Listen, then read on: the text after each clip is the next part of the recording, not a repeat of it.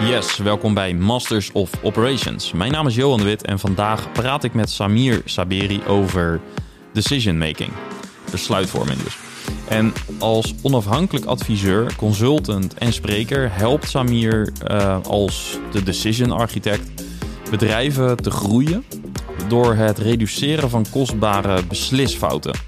Hij was zelf ook COO van een uh, middelgroot bedrijf met uh, ruim 300 mensen en 30 miljoen euro omzet. En daarvoor was hij commercieel directeur van Scale Up Nation en hij was onder andere strategie consultant. Voor mij was het een uh, gesprek bomvol inzichten. Ik hoop dat dat voor jou ook zo gaat zijn. Ja, voordat we naar dit gesprek gaan, nog een kort bericht van onze sponsor Playbookify. Dat is software om jouw kennis en processen intern beter te managen. Dan gaan we nu naar het gesprek met Samir. Enjoy! Ja, Samir, um, fijn dat je er bent. Eigenlijk sinds wij elkaar gesproken hebben, zit ik nog maar met één vraag in mijn hoofd. En dat is waarom uh, ja, nemen bekwame, hele slimme mensen, waarom nemen die verkeerde beslissingen? uh, leuk, uh, leuk, leuk begin. omdat bekwame, hele slimme mensen niet, niet perfect zijn. Dus de machine die wij hebben, en dat is ons brein. Wij denken daarvan dat, we, dat het, dat het optimaal functioneert ten alle tijden, maar dat is eigenlijk niet zo. Uh, en het is eigenlijk een heel efficiënt uh, systeem. De grote heren Daniel Kahneman en, en een paar anderen, die hebben daar heel veel onderzoek gedaan in de jaren zeventig. En wat nu de, de basistheorie is, is dat wij eigenlijk voordat IBM, dacht ik, of Intel daarmee kwam, had evolutie al de dual processor bedacht. Dus wij hebben een dual processor in ons hoofd. En dat wordt vertaald in systeem 1 en systeem 2. En wat systeem 1 doet, is eigenlijk heel efficiënt, heel snel tot bepaalde uh, beslissingen komen. En bepaalde beoordelingen komen van een bepaalde situatie. En dat is eigenlijk heel goed, want anders zouden we de hele dag alleen maar uh, analysis paralysis uh, zijn over of nou een kopje koffie of thee of wat voor groente of ook iets zouden moeten kopen. Zouden dat, dat de hele tijd blijven afwegen. Maar dat doen we gelukkig niet. Als we ook aan het rijden zijn, dan gaat dat heel erg automatisch. En dat is altijd heel erg handig geweest. Uh, totdat de uh, maatschappij zo complex is geworden en wij meer als mensen en groepen met elkaar zijn gaan werken. Waardoor de complexiteit heeft, uh, is toegenomen. en dat betekent dat je dan meer op je ratio moet gaan vertrouwen. maar ja, eigenlijk is uh, ons systeem 1, dus onze gut feeling of intuïtie, waar ik heel veel over te vertellen heb, want dat is een beetje de uh, ja, zeitgeist op dit moment dat je op je intuïtie moet vertrouwen, terwijl dat eigenlijk heel kostbaar kan zijn. Daar kan ik een mooi voorbeeld van geven. Uh, maar wat er gebeurt is, is dat 90% van de beslissingen waarvan wij denken dat wij die beslissing nemen, en als ik ze zeg wij, dan hebben we het over onze rationele ik. Ik vergelijk dat altijd met een mooie film van uh, Fight Club. Je hebt Tyler Durden en je hebt de narrator. Wij zijn de narrator, dus degene die nu op, op dit moment spreekt is de narrator. Maar eigenlijk is Tyler Durden degene die de hele tijd uh, de beslissingen neemt. Maar ik als narrator denk dat ik. Je, dat ik het, gevoel dat je het zelf doet. Ja, dat ik het zelf doe. Ja, precies. Ja. Maar dat is dus niet zo. Dus 90% van de tijd worden die beslissingen door onze intuïtiesysteem ingenomen. En dat is heel erg efficiënt. Dat wordt dan in vaktermen als heuristics. Uh, vuistregels wordt dat uh, aangegeven. Maar het probleem is dat, dat, dat ze een zij, uh, side effect hebben. En het side effect is, is dat we, dat worden dan biases genoemd. Uh, en om je een concreet voorbeeld te geven is, uh, ik ben in het verleden uh, eh, COO geweest en verantwoordelijk voor eigenlijk alle afdelingen, maar ook verantwoordelijk voor sales. En wat sommige van onze managers zeiden van, ja, weet je, de sales is dit jaar, wij hadden op een gegeven moment 30 miljoen omzet, op een totaal van 300, 300 350 man. En wat die salesmanagers zeiden van, hey, ik zit op, uh, op uh, voor mijn winkel zit ik op 1 miljoen of 2 miljoen. Weet je wat, ik ga volgend jaar ga ik naar de 2,2 miljoen of 2,4 miljoen, 10 of 20 procent meer. En daar was ik heel erg tevreden over. Uh, maar dat is de, de anchoring bias, wordt dat dan genoemd. Want je komt heel snel tot de conclusie van, hey, dit is goed. Maar het zegt eigenlijk helemaal niks over de context waar je in zit. Het zegt ook niet over de competitieve krachten waar je in zit. Dus wat gebeurt er met de competitie? Wat is er in de maatschappij gebeurd? Hoe zijn klanten veranderd? Hoe is de technologie veranderd? Daar zegt het helemaal niks over. Nee, dus je denkt eigenlijk vanuit één dimensie en je vergeet alle andere dimensies. Ja, En dat gaat heel automatisch. Dat gaat heel automatisch. Uh, en je moet dus de structuur omheen hebben. En daarom noem ik het een decision architecture. En ik noem het ook bewust een architecture. Dat is overigens niet de term wat ik heb bedacht.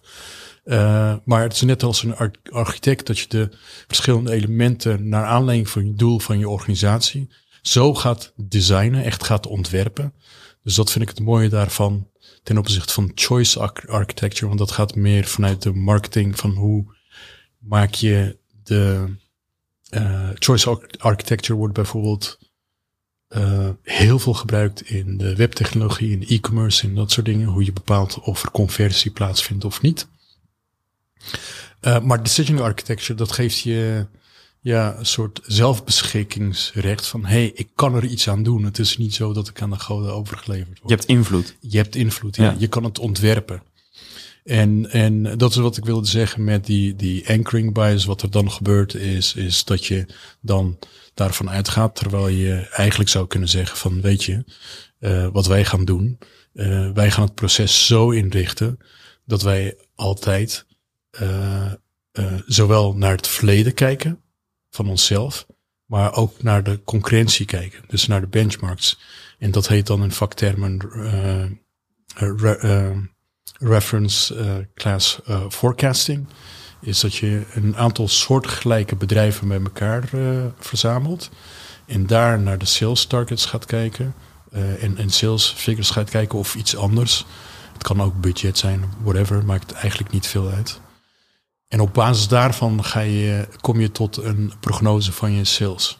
In plaats van alleen maar je eigen uh, je eigen ding. Ja, dus het gaat eigenlijk om het eerst het verrijken van je referentie. Ja. Uh, zodat je op basis daarvan beslissing gaat nemen. Dus iets minder.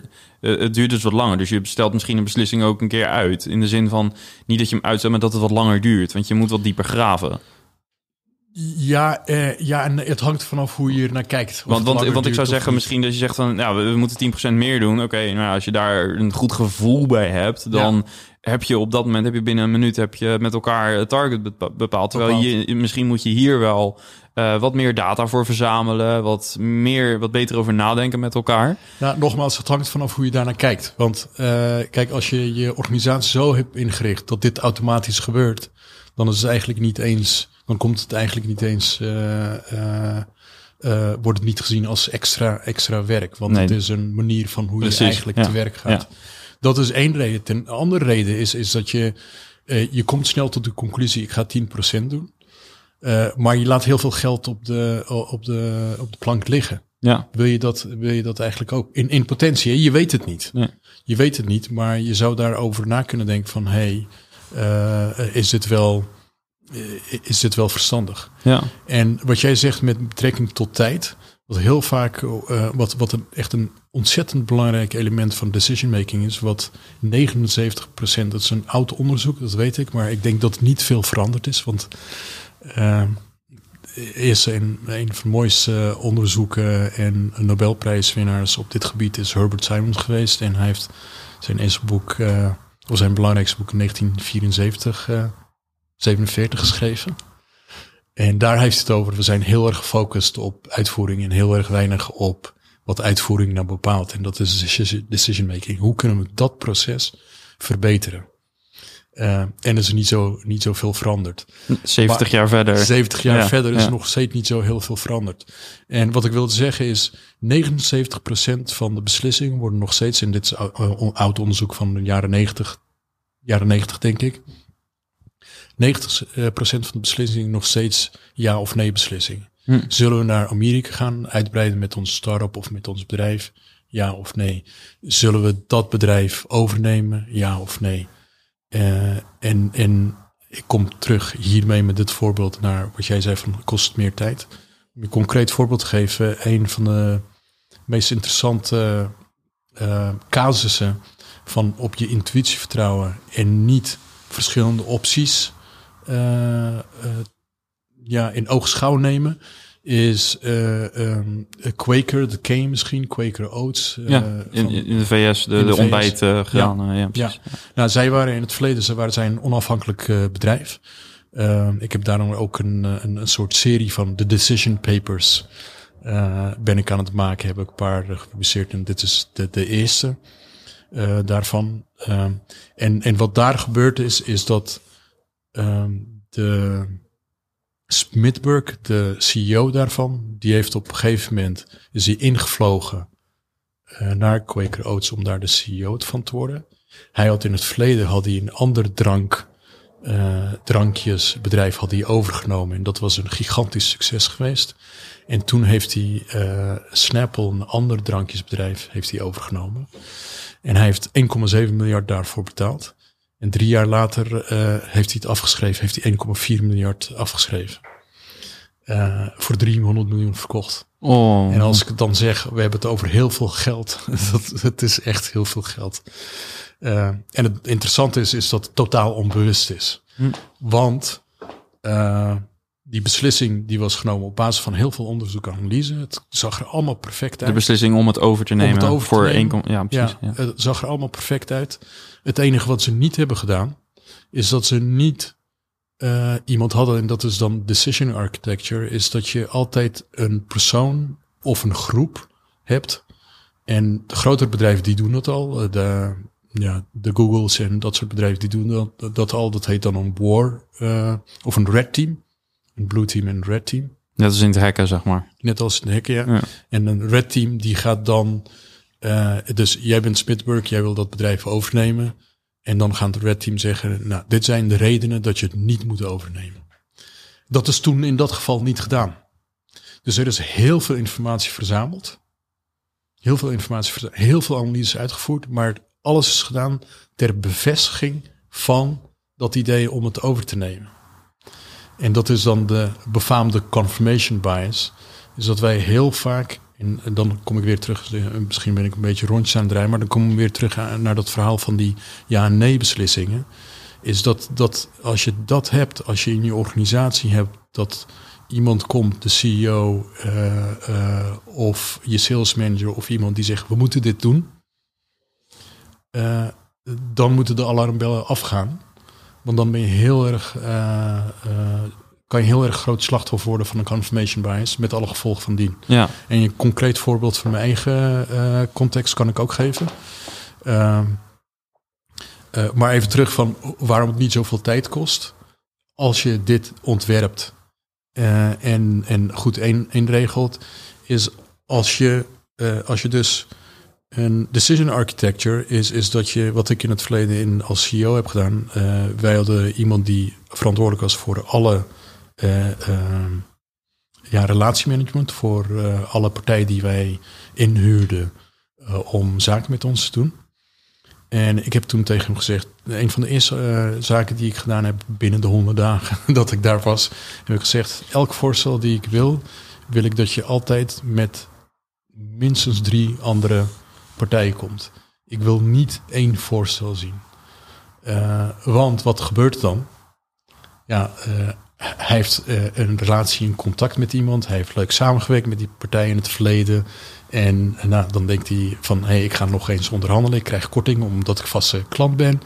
En dan komt hij met dat voorstel. Maar wie zegt dat dat voorstel beter is ten opzichte van alle andere uh, voorstellen die op dit moment, niet in het verleden, maar op dit moment voorhanden zijn? Ja. Ja. Dus dat is, dat, is, uh, dat, dat is een voorbeeld van, uh, van uh, dat je verschillende opties moet hebben. En je zei van ja, het kost meer tijd. Wat blijkt dat als je dit doet, nou kan ik ook het voorbeeld helaas in mijn eigen geval geven. Niks menselijks is mijn vreemd. is is dat als je al deze verschillende opties hebt, wat er dan gebeurt is dat je daardoor, ook al als die eerste optie niet blijkt wat het is, heb je al een bredere blikveld. Je hebt al met andere partijen gesproken, waardoor je eigenlijk veel sneller tot een, eh, een andere optie kan komen. Terwijl je als je dat in het begin niet had gedaan, wat er dan gebeurt is dat je dan vanaf helemaal weer vanaf nul moet beginnen. Ja. En een concreet voorbeeld te geven, ondanks eh, eh, het, het feit dat ik dit wist, hadden wij op een gegeven moment hadden wij een partij benaderd. Dat was ook heel organisch gegaan.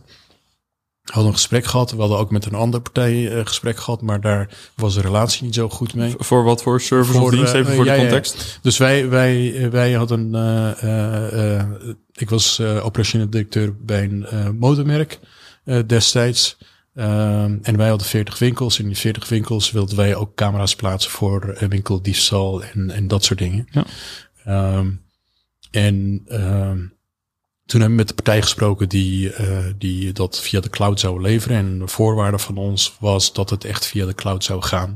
En dat het real-time eh, te bekijken was. Ehm, en toen hebben we met een partij drie, vier, vijf, zes maanden lang hebben wij daarmee onderhandeld. Op een gegeven moment is die tweede partij afgevallen. Eh, de, dat de eerste partij waar we in het verleden mee hadden samengewerkt, waar we niet tevreden mee waren, is dat afgevallen. En toen zijn we aan het einde van het, helemaal aan het einde van het proces, zijn we erachter gekomen dat er toch miscommunicatie was. Dat wat zij beloofd hadden dat het via de cloud zou gaan, dat dat niet. eh, Toen moesten wij helemaal opnieuw beginnen. We hadden het geluk dat we dat tweede partij, eh, dat we die tweede partij hadden. Maar zo zie je maar weer dat als je met één partij werkt, dat dat best wel een groot probleem kan zijn. En waar, waar gaat dat hele- helemaal naartoe? Ja. Eh, eh, je zou kunnen zeggen, ja, maar je hebt je due diligence of whatever. Ja, het komt uiteindelijk, als je het echt helemaal afpelt, komt het uiteindelijk van op de manier hoe je beslissingen neemt. Ja. En, en daarom de decision making, decision architect. Het is echt super belangrijk om hier ehm, eh, tijd aan te besteden. Ja. En je organisatie zo te organiseren dat je de juiste beslissingen neemt. Ja. Want, want de, de, de, ik zeg altijd, ik kan je ook een eh, leuk ander voorbeeld geven. Misschien is dat eh, leuk. Eh, ik zeg altijd, decision making is je grootste lever. Want als je die, je grootste hefboom, als je dat goed organiseert, vooral als leider, vooral als COO, eigenlijk is dat, als je het nogmaals helemaal afpelt, is dat eigenlijk wat je doet. Je bent constant, je bent met procedures, processen, met tools, ben je eigenlijk eh, de, de grote en de kleine beslissingen ben je aan, het- aan het organiseren. Ja. ja, en dat is eigenlijk ook meteen eh, antwoord op, eh, of een deel in ieder geval van het antwoord, denk ik, op eh, een andere vraag die ik had. Want we, we, we nemen deze podcast vooral op om andere COO's of eh, in een andere leidinggevende functie op gebied van operations, om, om ehm, eh, nou, die wellicht ook te helpen, te inspireren met de ervaring die, die, die jij in dit geval hebt. Ehm, als CEO krijg je talloze ideeën en Ja. voorstellen eh, vanuit alle hoeken van de organisatie en misschien ook wel daarbuiten. Ja. Komt allemaal op je bureau en iedereen vindt het even belangrijk, want Ja. iedereen, heeft, iedereen heeft het beste idee. Ja. Ehm, nou, je hebt denk ik al een aantal hele concrete voorbeelden gegeven van dingen die je kunt doen om ervoor te zorgen dat je een eh, betere beslissing gaat nemen. Ja. Eh, zijn er nog andere adviezen die je kunt meegeven aan CEO's om met name om die prioriteit te stellen? Dus ik krijg honderd blaadjes op mijn bureau Ja. en ik kan er maar tien doen. Ja. Hoe ga ik ervoor zorgen dat ik de beste beslissing neem? Ja, ja eh, prioriteiten. eh, hoe ga je de bes- beste beslissingen nemen? Kijk, op een gegeven moment moet je, en dat weet elke CEO, op een gegeven moment moet je een beslissing maken. En een beslissing is nooit, no- nooit makkelijk. Je, je- er is een trade-off die je moet maken. Eh, dat, dat wil ik vooraf eh, gezegd hebben.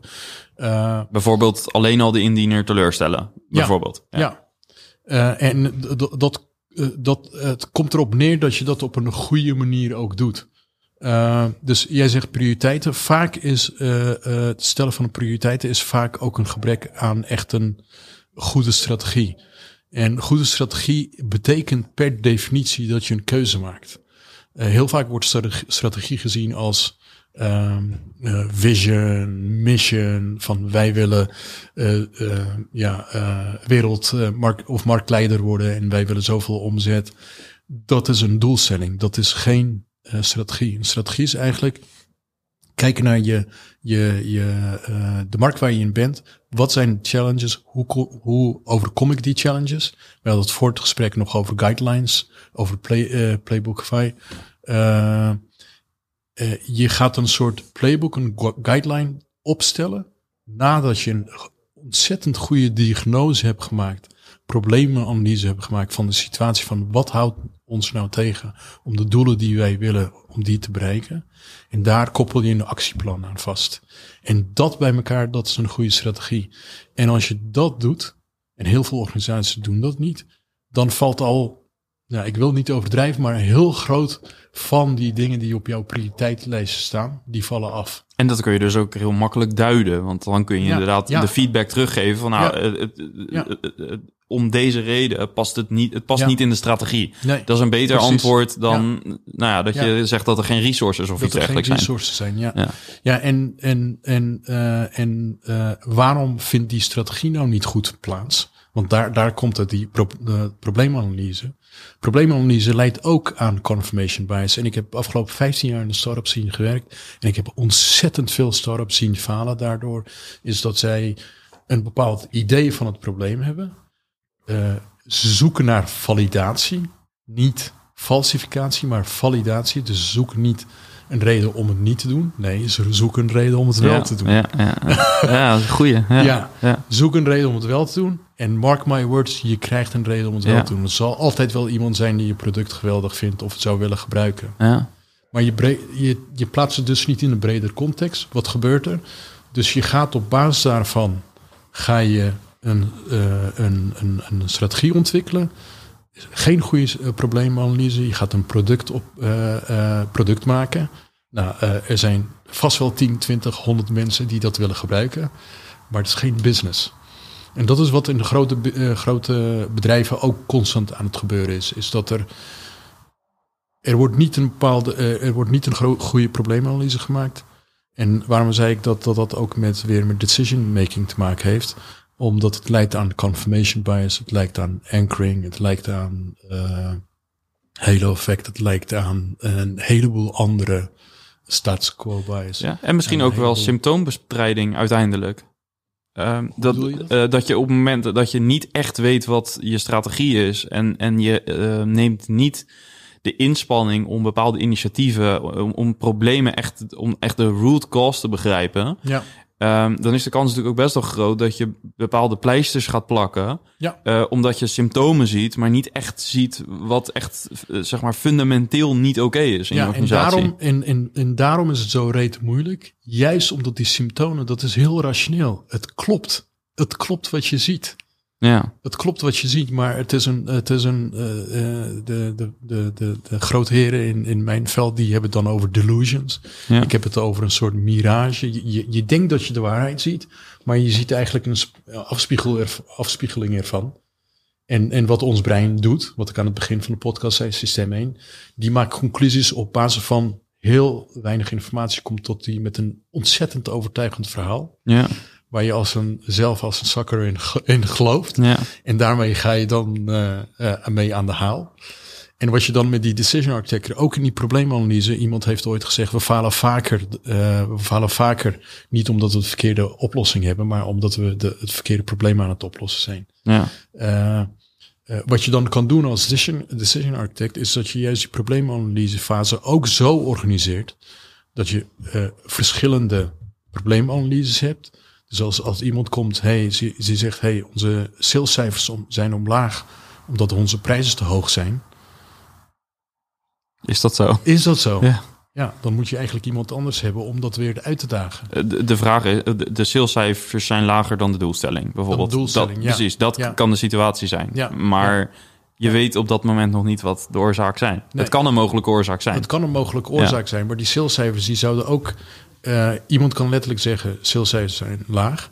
Maar het kan ook zijn dat als je naar de eh, situatie over de lange termijn kijkt, dat die, dat, die, eh, dat die dip die die persoon meemaakt, dat dat eigenlijk over de lange termijn gewoon heel normaal is. Ja, En dat het eigenlijk helemaal niks met de prijsstelling te maken heeft, maar juist misschien met, de, eh, met eh, de, de aanpak van die persoon. ja, dus je, in plaats van in dit geval, en dit is natuurlijk ook een willekeurig veel te kort door de bocht Ja. antwoord, maar in, in zo'n si- situatie zou het misschien dus veel ehm, constructiever zijn om je salespersoon te trainen dan je prijzen naar beneden te doen, bijvoorbeeld. Eh, Ja. bijvoorbeeld. Ja, even heel kort door de bocht. Ja, Ja, bijvoorbeeld. Maar eh, ook als die, eh, wat, wat het probleem van die decision, van, die, van die biases zijn en van decision making in het algemeen is, is dat er is heel veel onderzoek. En ik heb, ik had in het mailtje naar jou, toen heb ik aangegeven van, hey, misschien is het handig om het over strategie en innovatie en over diversity en inclusion te hebben. En dat is met een reden, omdat ik denk van, nou, als je een probleem wil oplossen eh, of een challenge wil aangaan, dan komt het één aan op probleemanalyse, een goede probleemanalyse. En daar dan de resources en een coherent set van acties. Want wat vaak ook gebeurt als we het weer over die prioriteit hebben, is dat die acties eigenlijk alle kanten op gaan. Het is niet een coherent verhaal wat naar één kant op leidt. Ik had als soort animatie eh, in het verleden had ik een aantal mensen eh, voor een auto geplaatst. Dus je ziet gewoon een, een tekening met een auto, een plaatje met een auto. En zijn, verschillende mensen zijn aan verschillende kanten van de auto aan het drukken. En eigenlijk wil je dat iedereen aan de achterkant staat en de auto zo naar. Dat, dat is wat eigenlijk een COO wil. Ja. maar de praktijk is weer barstiger. Maar de praktijk is, en dat weten we allemaal, we, we kijken een beetje die kant op. We doen alsof het niet zo is. Maar vaak is het zo dat iedereen een beetje elkaar aan het tegenwerken is. Ja. En op zich, dat kan je niet helemaal eh, neutraliseren. Dat, dat hoeft ook niet. Maar wat je eigenlijk wil, is, is dat iedereen dezelfde kant op gaat. En, en, en dat is waar ik het over had met betrekking van nou, eh, strategie. Strategie, goede probleemanalyse. En vergeet niet, iedereen heeft het over strategie en executie. Maar dat is een. Ja, sorry, ik doe alles in het Engels. eh, Dus ik kom even niet op het Nederlands woord. Maar dat is een false dichotomy. Die, die, die, die, die, eh, die eh, spanningsboog, dat klopt niet. Want als je een strategie hebt wat niet zich vertaalt naar guidelines en acties. En het hoeft niet allemaal in, tot in detail, maar gewoon de grote acties. dan, dan is het geen strategie. Dat is een, dan is, dat is een, een, een goede intentie. Ja, dat is de best. Ja, ja, ja. Eh, eh, en eh, dus je hebt strategie. En dan heb je het, dus dat is probleemanalyse. Dan heb je het over, oké, hoe ga ik dat probleem oplossen? Dan moet je aan innovatie denken. Want als je een beetje beter wil zijn dan de rest, dan moet je innoveren. Heel vaak ook vooral startups, en dan heb ik het weer over de confirmation bias en overconfidence, is we zijn heel erg geneigd om competitie te negeren. Daar is zelfs onderzoek naar geweest. Hebben ze een leuke term voor bedacht. Competition neglect. En startups doen het. Grote bedrijven doen het. We zijn, en dat komt weer terug naar ons systeem 1. Omdat wij heel erg overtuigd zijn van onze eigen kunnen. En automatisch de context en de rest negeren. En in het geval van startups betekent dat letterlijk van... Hey, uh, er zijn letterlijk startups die tegen mij hebben gezegd van... Ja, maar ik, ik geloof niet in concurrentie. Uh, concurrenten bestaan niet. Uh, en uh, ze komen zover dat ze een SWOT-analyse maken en that's it. Terwijl je eigenlijk uh, naar competitie als een dynamisch iets moet kijken. Jij bent een zet aan het doen, en zij zijn aan het zet aan het doen. Jij bent een zet aan het doen, en zij zijn een zet aan het doen. Hoe ga je daarmee om? Ja. Dat wordt heel vaak genegeerd. Dus, dus als je dat goed wil doen, dan moet je innoveren. En je moet ook nu al denken, je, nou, je hebt bijvoorbeeld Plugify. Uh, sorry, Plugify is een ander bedrijf. Playbookify. uh, um, je, eigenlijk zou je nu al kunnen denken van oké, okay, ik ga dit doen. Wat zal de reactie van de, van, van, van de rest van de partijen zijn? Schaken. Ja, ja. schaken. Ja. Niet zozeer om niet te doen wat je wil, maar om voorbereid te zijn ja. op uh, wat zij eventueel zouden kunnen doen. En daarmee eigenlijk hun strategie ja. neutraliseren voordat het effect op je heeft. Nou ja, plus het feit, het brengt denk ik ook terug naar wat je eerder dit gesprek zei over um, dat je um, dus ook al voorbereid bent op, um, op om, om de volgende keuze te maken. Ja. Um, dus hetzelfde eigenlijk als dat je meerdere, bijvoorbeeld in het voorbeeld van de suppliers, zeg maar, dat je meerdere aanbieders, um, ja.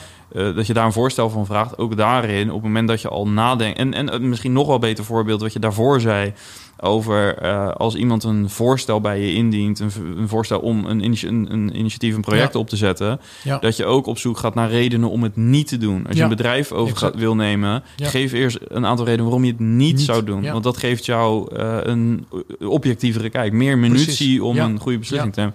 Eh, dat zijn, zijn uitermate mooie voordelen. Ik, ik leer veel deze aflevering.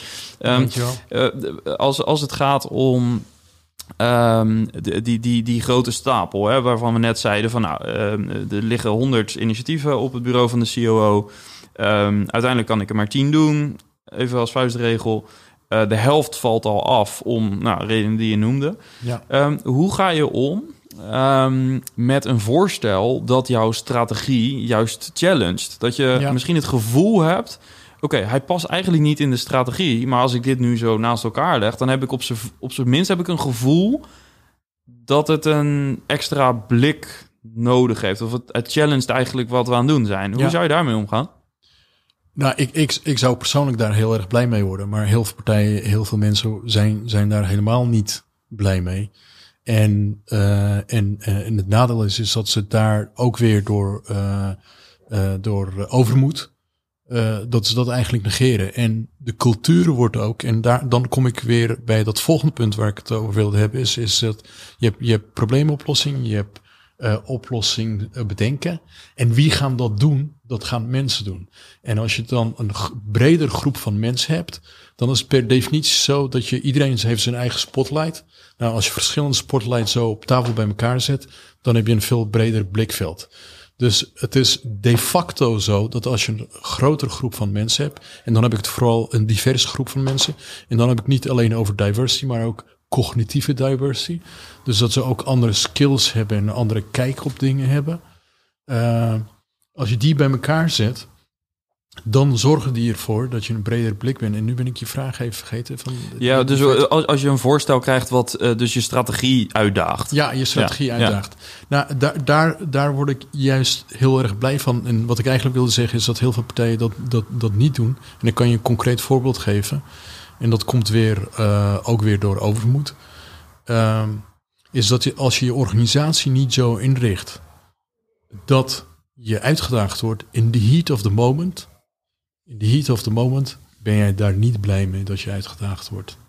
Eh, en vooral als het niet eh geïmbed is in je organisatie.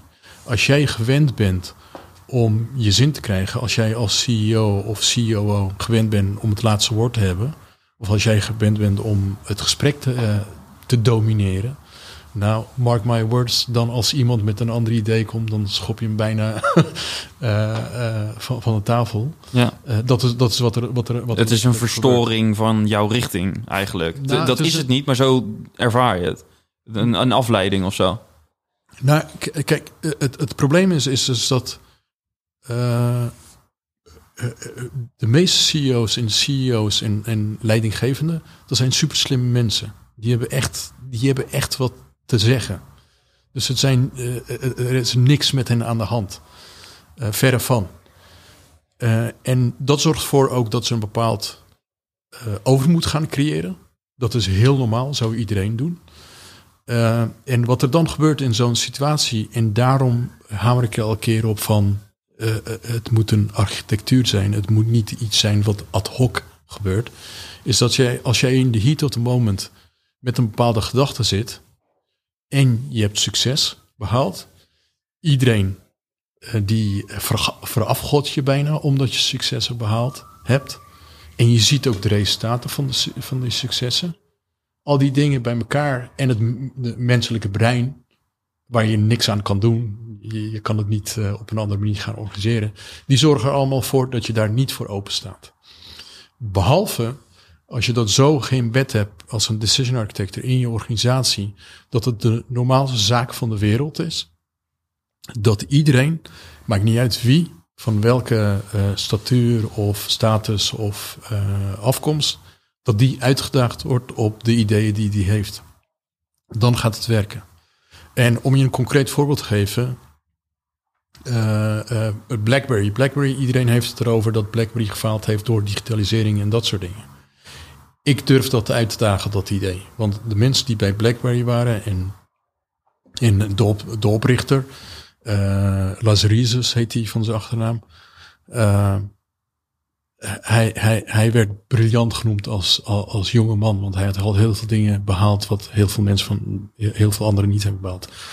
Uh, maar wat gebeurde er op een gegeven moment? Hij begon in zijn eigen verhaal te geloven. En hij had succes behaald. En daar begon hij ook in te geloven.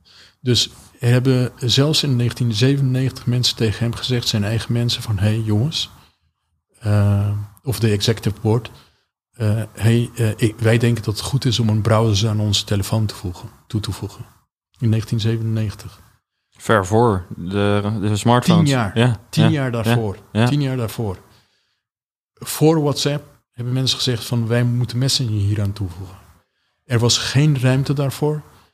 Hij, uh, uh, als je het over een psychological safe environment hebt, het was niet psychological, psychological er was geen psychological safety. Mensen waren letterlijk bang om hun baan te verliezen en tegen de baas in te gaan. En, en, en nou, het resultaat zien we. Het is van een bedrijf van boven 80 miljard, het is nu een bedrijf van 3 miljard geworden. Ja. En je kan zeggen van, nou, het zijn, het heeft met uh, innovatie te maken, met digitalisering, met disruptie, met... Dat is allemaal waar, maar als je al die dingen verder afpelt tot de kern, dan kom je uit de root cause. Ja, de root cause. Dan kom je uit op verkeerde beslissingen eh, nemen. Ja, en als je dan verder gaat, zelfs beslissingen operationaliseert, dan kom je uit op hoe het menselijke brein werkt. Ja.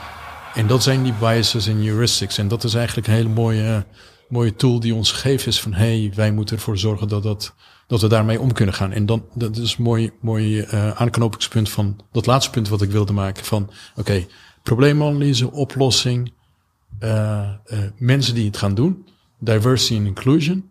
En, en wat blijkt van die hele diversity and inclusion literatuur, is dat die biasing, dat werkt niet. Werkt niet. En waarom werkt dat niet? Is dat ik bewust moet zijn van waar ik niet bewust van ben. Ja, ja, ja, ja. Daar komt het eigenlijk op neer. Ja. Ik neem een bepaalde beslissing en ik ben er totaal niet bewust van dat ik die beslissing op basis van verkeerde informatie uh, neem. En daar moet ik bewust van zijn. Ja. Real time het liefst. Catch 22. Ja, ja dat, is, dat is onmogelijk.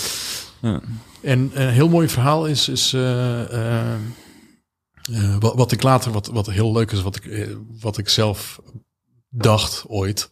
En toen heb ik dat later in boeken gelezen. Toen dacht ik, oh oké, okay, great minds think alike. uh, boeken van, van andere, veel succesvollere mensen dan ik. ik, ik was hier echt in de avonturen, weekenden. Dit is iets waar ik weken, dagen, nacht over kan, kan praten. Het is super interessant. Uh, is uh, dat ik dacht van, hé, hey, wacht eens even. Uh, eigenlijk moeten mensen de, de Odysseus strategy volgen. En wat deed Odysseus van, van, van, van, van Homerus? wat deed hij? Is dat hij, hij kreeg van een, een godin, kreeg te horen dat dit gaat gebeuren en dat hij dit en dit moet doen. Dat verhaal wordt vaak wordt dat opzij geschoven. Dat is ook mooier eigenlijk. Is dat pure ingeving in zijn uh, geest uh, was. Maar hij had van zijn eigen decision architect, als ik het zo mag zeggen, uh, had hij te horen gekregen van hey, als jij door die, door die riff gaat varen waar de sirens zijn. Ken je dat verhaal? Of? Nee, ik ken het zelf niet. Oké. Nou, er zijn... Voor de luisteraar die het kent. Ja, ja. Ja, er zijn sirens, dat zijn van die bloedmooie vrouwen. In die tijd ging alles alleen maar over mannen. uh, bloedmooie vrouwen, die, eh, die, die zijn zo verleidelijk dat ze als, ze, eh, als je langs hun vaart, uh, dan, wat er dan gebeurt is, is dat, dat je dan je, je, je ratio, je geest, je alles verliest. En dat je dan doodgaat en dat je dan in, in, in ja, hoe je dat, in, in, uh, in dat stukje zee belandt. Uh, waardoor je in de rift belandt waar, waar, je, waar je eigenlijk half dood, half levend bent. Dus er zijn heel veel mannen die daaraan trotten zijn omdat ze verleid waren door, uh, door de sirens. En en wat, wat, wat, wat die godin tegen hem heeft gezegd: van hey, wat, je, wat je moet doen, je moet jezelf aan de mast vastbinden. En je moet je bemanning zeggen dat ze ja, wax, honing of iets in hun oren moeten doen, zodat ze die sirens niet horen. En je moet jezelf aan de mast eh, binden. En dat wilde hij, omdat hij wilde horen wat ze aan het zingen waren. En dat heeft hij gedaan en zo heeft hij het overleefd. Niemand had het daarvoor overleefd. En wat heeft dit nou met decision architecture, eh, architecture te maken en met bias, die biasing? Is dat bij die biases waar we het net over hadden, daar kunnen we gewoon niks aan doen. Je kan hoog of laag springen, maar die, die, die fouten die ga je maken wat je ervoor moet zorgen is de Odysseus strategy volgen, is dat je ervoor zorgt dat je op het moment dat zo'n bias zich opdoemt, dat je al iets in plaats hebt wat ervoor zorgt dat dat geneutraliseerd wordt. En dat is bijvoorbeeld pre-mortems doen. Dat is meerdere alternatieven van een probleem en een oplossing. Uh, uh, dat is als je gaat ankeren, dat je dat re, gaat re-ankeren of eigenlijk helemaal uh, oude data van budgettering bijvoorbeeld, uh, dat je oude data van je, van je sales, maar ook van je budgetten, dat je die eigenlijk niet in oogschouw neemt. Uh, of dat je dat vergelijkt, waar ik het net over had, reference class forecasting, vergelijkt met, met cijfers van anderen. Ja. Dat zijn allemaal decision architecture elementen die ervoor zorgen dat je, uh, dat je uh, dat, dat, je, dat je eigenlijk dat voorkomt en dat je die sirens calls van je hoofd daar niet, daardoor niet, ontvankelijk voor bent. Ja, niet precies. ontvankelijk ja. voor bent. Ja, ja, ja. En, en misschien, misschien nog, nog twee dingen. Ik weet niet uh, hoeveel tijd we nog hebben, maar wat ik nog wel wil opmerken is twee dingen met betrekking tot budgeting, waar ik het er net over had, is een onderzoek van McKinsey geweest. En die hebben 15 jaar uh, cijfers gepakt. Van ik dacht iets van 2000 bedrijven. Uh, financiële cijfers. Dat hebben ze onderzocht en ze hebben naar de budget, uh, budgetten, jaarlijkse budget gekeken. En ze zagen dat er een correlatie was. Voor 90% van het geval van het bedrijf was er een correlatie van 90%. En een, uh, tussen de cijfers van vorig jaar en het jaar daarvoor. En bij anderen was het zelfs 95%. En wat betekent dat, die correlatie? Dat betekent dat die budget, uh, budgetcijfers nagenoeg hetzelfde waren over een periode van 15 jaar. Hm. Nou, jij en ik weten hoeveel er wel niet veranderd is in de afgelopen ja. 15 jaar. Maar als je budgetcijfers hetzelfde blijven, iedereen heeft het over innovatie. Ik heb een heel groot bedrijf, uh, mag ik verder de naam niet van noemen, uh, geadviseerd op het gebied van uh, marketing. en, en wat zag ik daar? De CEO had geschreven, digitalisering is onze prioriteit nummer één. En ik vraag aan de managers, hebben jullie geld voor digitalisering? Zeggen ze nee, onze budgetten zijn hetzelfde als ja. vorig jaar. Ja. Er is dus helemaal niks veranderd. Heeft dat ook te maken met incrementeel denken?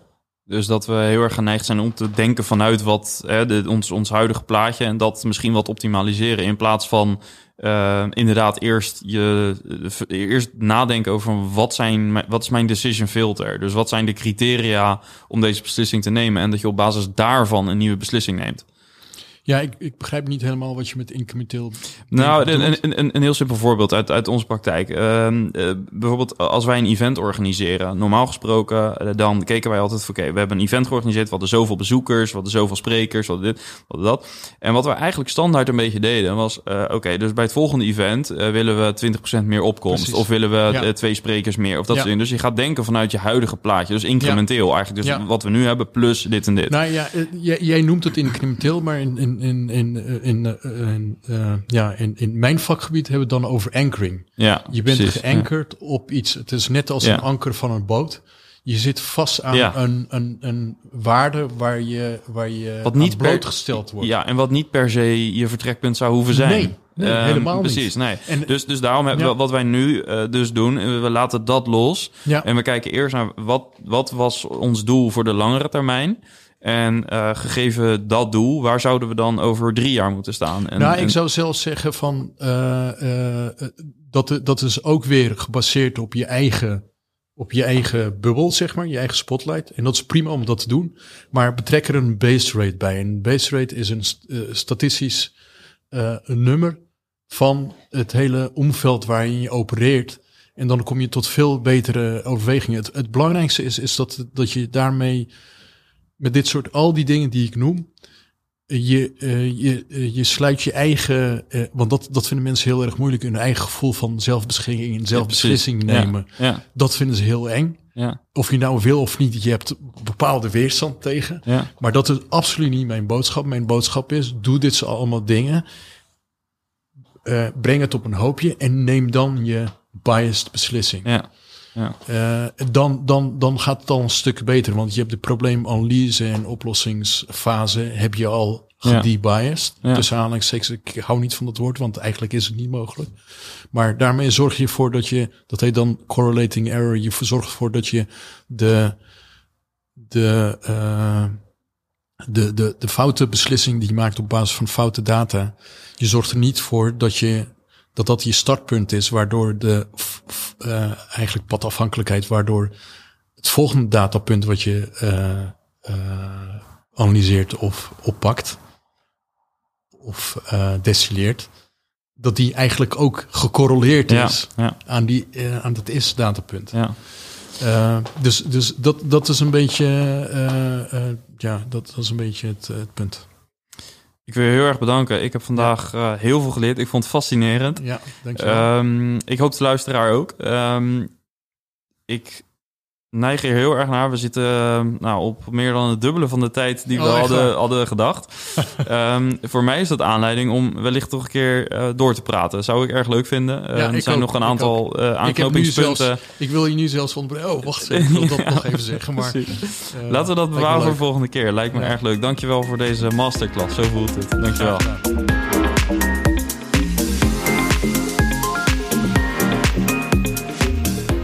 tot zover dus deze aflevering van vandaag. Ga naar mastersofoperations.com om deel te nemen aan het gesprek, om samenvattingen van deze podcast te kunnen zien en om discussies eh, te voeren met andere Masters of Operations. Tot volgende week.